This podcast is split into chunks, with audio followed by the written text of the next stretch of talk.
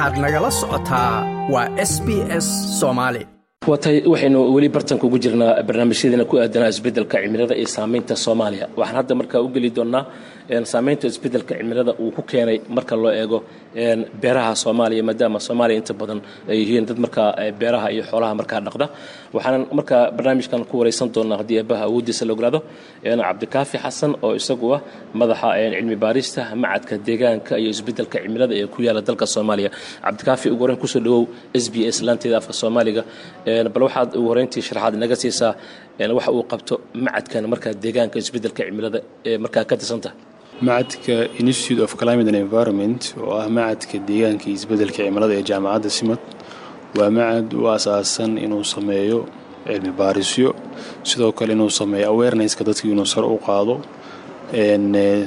sidoo kalena uu talooyin siiyo dadka policy makerska iyo decision makerska ah ee go'aanada ayaga gaarayo hadday ahaan lahaayeen kuwa ku jira dowladda hadday ahaan lahaayeen international organizationska in macadka uu soo saaro cilmi baarisyo cilmi baarisyadaasna natiijooyinka ka soo baxo lagu bixiyo talooyin lagu yareyn karo ama wax looga qaban karo isbeddelka cimilada ee soomaaliya saameynta ku yeeshay dadka iyo dunyada intaba waa tahay aad aa umahadsan tahay waxaan rabaa inaan ku weydiiyo marka isbeddelka cimilada guud ahaanba dunida idlayo hadda aad u saameeyey gaar ahaan waddamada qaaradda africa inkastoo kuwa markaasi saxraha ka hooseeya oo aadka u kula markaa uu saameyn ku yahay haddana soomaaliya qeybay markaa ka tahay. Marka bal ka waran maadaama soomaaliya ay yihiin dad markaasi beeraha wax soo saarkooda marka uu ku xiran yahay saameynta isbeddelka cimilada sanadihii markaa ugu dambeeyey uu jiray iyo dhibaatada marka ay ku reebtay beerihii soomaaliya soomaaliya horta waxay ka mid tahay waddamada aadka ugu nugul isbeddelka cimilada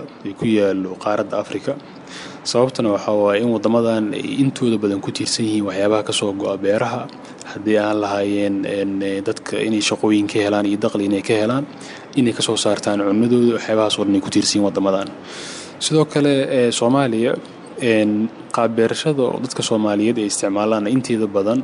Waxaa lagu tilmaamaa wax loo yaqaana rainfit farming in yacni dadka ay sugaan roobka inay sugaan xilliyada roobka oo kale in dadka ay wax beertaan.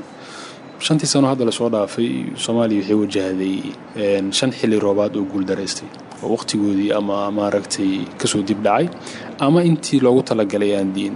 Marka dadkii waxbeerashadaas sameyn lahaa waxaa ku dhacday in ay wax beeran waayaan oo maaragtay ay ay maxaan ku yidhaahdaa qaarkood markii ay beerahoodii roobkii uu ka dhammaaday ama roob uu u di'i waayey ama isbeddelkii cimilada uu saameeyey waxay bilaabeen inay meesha isaga soo cararaan oo ay sameeyaan migration inay sameeyaan qaxooti inay sameeyaan meelo kaleeto oo maaragtay aysan ugu horeynin nolol maalmeedkoodii iyo cunooyin aysan ugu horeyn ay u barakacaan marka taas waxay keentay in dad badan ay noqdaan climate refugees oo magaalooyinka qaar waxaa arkaysaa dad badan oo qaxooti maxaan ku dhahaa ay soo barakicisay isbeddelka cimilada ah oo dadkii markii hore ayaga beeraha lahaa ee wax beeran jiray maanta ay yihiin dad ama xoolaha dhaqanayay.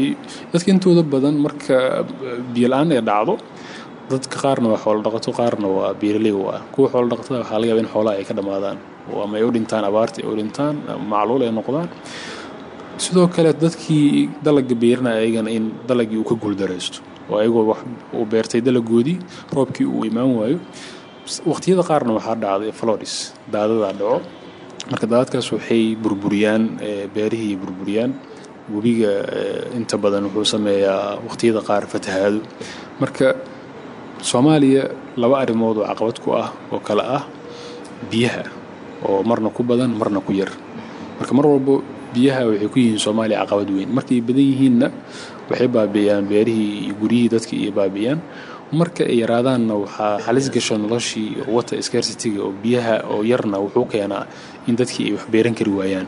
Oo maaragtay ay xoolihiina haraad u dhintaan iyo dadkii beerihiina maaragtay la waayo wax lagu beerto waata marka la eego sidaa markaa sheegtay beeraha marka u ah marka udubdhexaad marka loo eego dhaqaalaha soomaaliya. Isbeddelkan cimilada iminka dalagyada markaa sida gaarka u saameeyey maxaa ka mid ah oo soomaaliya markaa ka soo go'i jiray? Waxaa jiro dalagyo badan oo soomaaliya ay soo saarto. Dhaqaalaha soomaaliya markaa fiirisidna dalagyada ka soo baxo beeraha iyo xoolaha noolaa waxay yihiin qaybta ugu weyn oo markaa fiirisid wax ka badan boqolkiiba lixdan iyo shan. Soomaaliya waxay ku tiirsan tahay waxyaabaha ka soo go-a beeraha iyo xoolaha dhaqashadeeda ku tiirsan tahay dalagyo fara badan oo soomaaliya ay soo saari jirtay oo maaragtay waxaa jiro laga yaaba in intii la soo saari jiray markii hore in ka yar ay soo go-do waqtiyada qaar.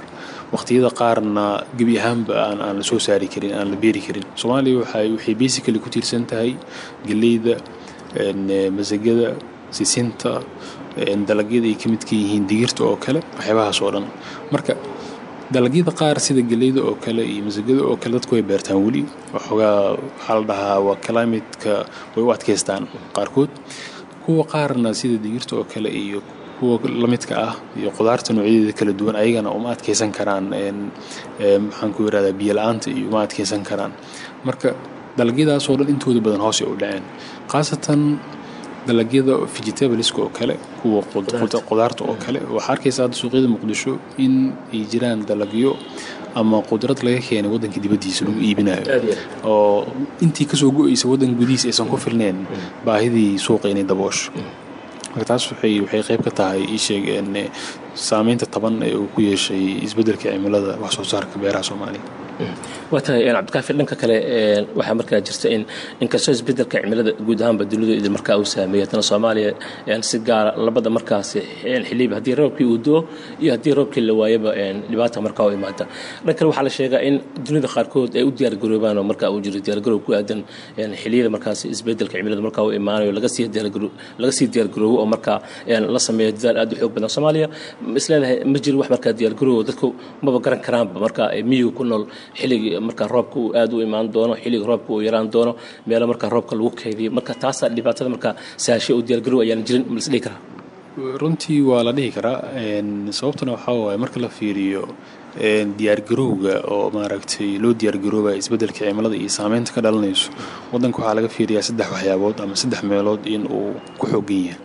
Kuwa waxaa la fiiriyaa haddii waddanka uu maaragtay fiican yahay economically uu awood u leeyahay in dadkan uu finance gareeyo oo maaragtay uu sameeyo meelo ay yani ama u celin karo waxyaabihii tusaale ahaan oo kale haddii baagamuud dadkii ay ku dhacdo oo kale in dadkii wax la siin karo in dadkii haddii ay guryahoodii ka burburaan oo kaleeto faladiski waxyaabahaas ka baabiyaan oo kaleeto dib loogu hagaajin karo economically dowladda inay awood leedahay. Laba waxaa la fiiriyaa socially dadki inay diyaarsan yihiin. Educationkooda aqoon haddii dadki ay leeyihiin. Maxaan ku yirahda haddii access ay u leeyihiin teknolojiyadda oo kaleeto social dadka inay yihiin dad oo aweerid ah oo ka warqabo isbeddelka cimilada inuu yahay wax jira oo noloshooda saameyn ku leh dadka qaar markaa fiirisid meelaha qaar isbeddelka cimilada iyo saameynta uu leeyahay inay tahay wax oo caalami ah. Dadka badanaa lama socdaan. Marka social dadkii ma fahansano tan saddexaad oo la fiiriyana waxaa institutionska dowladda diyaar ma yihiin. Tusaalahaan oo kaleeto maxaan ku yirahdaa hufnaanta la fiiriyaa marka institutionska laga hadlayo in corruptionka uu yaryahay in governmentiga ay tahay mid effective ah oo maareyn karto waxyaabaha loogu talagalay dadka oo kaleeto.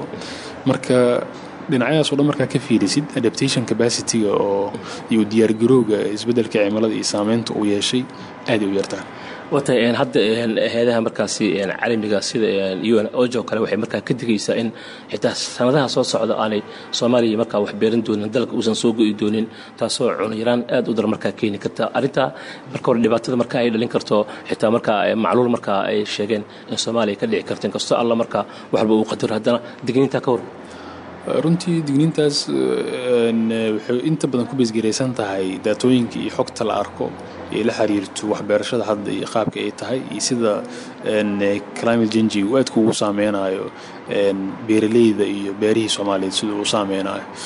Runtii news aada u fiican ma aha in hadda la tilmaamayo in sanadaha soo socda soomaaliya ay wax beeran kari weyso soomaaliya hadda waxay ka badbaaday inay ka dhacdo macluul inay ka dhacdo. Sababtana waxay ahayd abaaro waqti dheer jiray oo haddana aan laga jawaabin si deg aan looga jawaabinaa jiray. Marka waxay u baahan tahay in adaptation capacityga oo dowladda kaleeto la xoojiyo. Waxaa jiro qaabab lagu xaliyo marka laga hadlayo isbeddelka cimilada oo dadka beeraleyda ah oo kaleeto in la baro smart agriculture in la baro oo waqtiga ay biyaha badan yihiin oo roobab badan ay jiraan iyo waqtiyada ay yaryihiin inta wax la beeran karo oo maaragtay climate resilient practicesaa jiro. Waxaa jiro wax loo yaqaano water management facilities in dowladda ay sameynso oo marka biyaha ay badan yihiinna la keydsado marka si looga faa'iidaysto waqtiyada ay yaryihiin oo maaragtay xoolaha ay haraadku u dhimanayaan iyo dadka intaba. Marka in loo diyaar garoobo maaragtay digniintaas la soo jeediyey taasay ku fiican tahay. Afar boqoloo kun oo hektar ayaa markaa la sheegaa soomaaliya in marka dhulkeeda beeraha ama dhul beereedkeeda markaa uu yahay. Haddana xitaa konton kun lama beerin oo lagama faa'iidaysan tobankii sane ugu dambeeyey nasiib darrada ka hor. Runtii nasiib dar aada u weyn waaye soomaaliya waxay leedahay dhulbeereed aada u weyn oo bacrimsan oo marka la fiiriyo wadamo badan aada uga weynahay dhulbeereed ahaan marka la fiiriyo. Haddana food securityga soomaaliya wuxuu ku tiirsan yahay banaanka haddaa og tahay soomaaliya inta badan waxyaabaha ay soo dhoofsato oo ugu badan waa cunooyinka oo ah iyo waxyaabaha la isticmaalo oo ah marka inta la soo dhoofiyo wax badan oo ka mid a cunooyinkaasna waxyaaba dalka gudihiisa lagu beeri karo oo ah marka waxaad dareemaysaa in dhulka intaas la ego soomaaliya ay haysato in yacni stiil aan laga faa'iidaysanaynin sababta aan looga faa'iidaysan la'yahan waa sababo badan oo isbiirsaday. Maaragta wax soo saarka beero aan la dhiirigelinayn dowladda oo aan difaacaynin beeraleydii gudaha wax ku beeranaysay isbeddelkii cimilada oo aan ahayn arrin annaga keligeen nagu kooban oo waddamada adduunka oo dhan saameysay ah marka arrimahaas oo isbiirsaday marka waxay saameyn ku yeesheen in dhulbeereedka intaas la eg maanta waxa laga soo saaro uusan ku filnayn xataa haddaa fiirisid geleyda iyo maaragtay masagada iyo digirta soomaaliya lagu beero kuma filna soomaaliya. Waxaa laga keenaa dibaddaa laga keenaa. Marka runtii nasiib dar weyn waaye in oo dhulbeereedka intaas la eg iyo waxa maaragtay qaybta aan ka faa'iidaysan inay intaas la ekaato. Ugu dambeyntii aad u mahadsan inkastoo su'aashan marka ay tahay mid adiga aan ku qusayn haddana fikirkaada ma is leedahay dowladda soomaaliya hadda oo markaa laga doonayay in culays xoog badan marka ay saarto marka leego wax soo saarka gudaha dalka.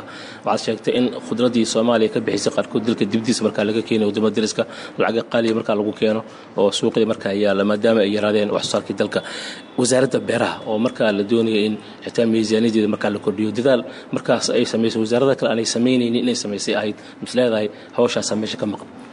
Runtii qayb ahaan waa macquul in wasaaradda loogu talagalay beeraha iyo guud ahaanba dowladda kaalinta ay ku leeyahed agricultureka iyo soo saarka beeraha waddanka iyo aad u yartahay sababtuna waxaa dadka beeraleyda ah waxay u baahan yihiin in la dhiso cabacitigooda oo skiliskooda la dhiso xirfadooda iyo aqoontooda kor loo qaado.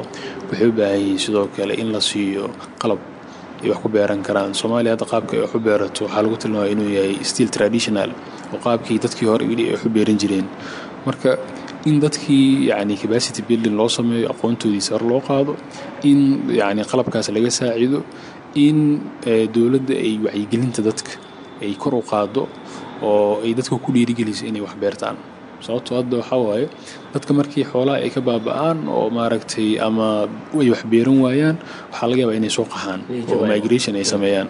Taas laftigeeda mararka qaar waxaa la tilmaama cilmibaarisada aan sameyno waxay tilmaamaan in oo maxaan ku yidhahdaa ay ka qayb qaadato social instability. Oo dadka markii qof uu ka qaxo deegaan oo deegaan kale uu u qaxo deegaankii kalena resourceskii yaalay uusan dadkii ku filnayn. Waxaa laga yaabaa in isku dhacyada dadka mararka qaar meeshaas dagaalada oo maaragtay dadka meelaha isku dagaalaan ceelal biyoodyada iyo waxyaabaha lamidka ah in meelaha qaar ay ka dhashaan. Like aas la wadaag wax ka dheh lana soco barta facebooka ee sb s soomaali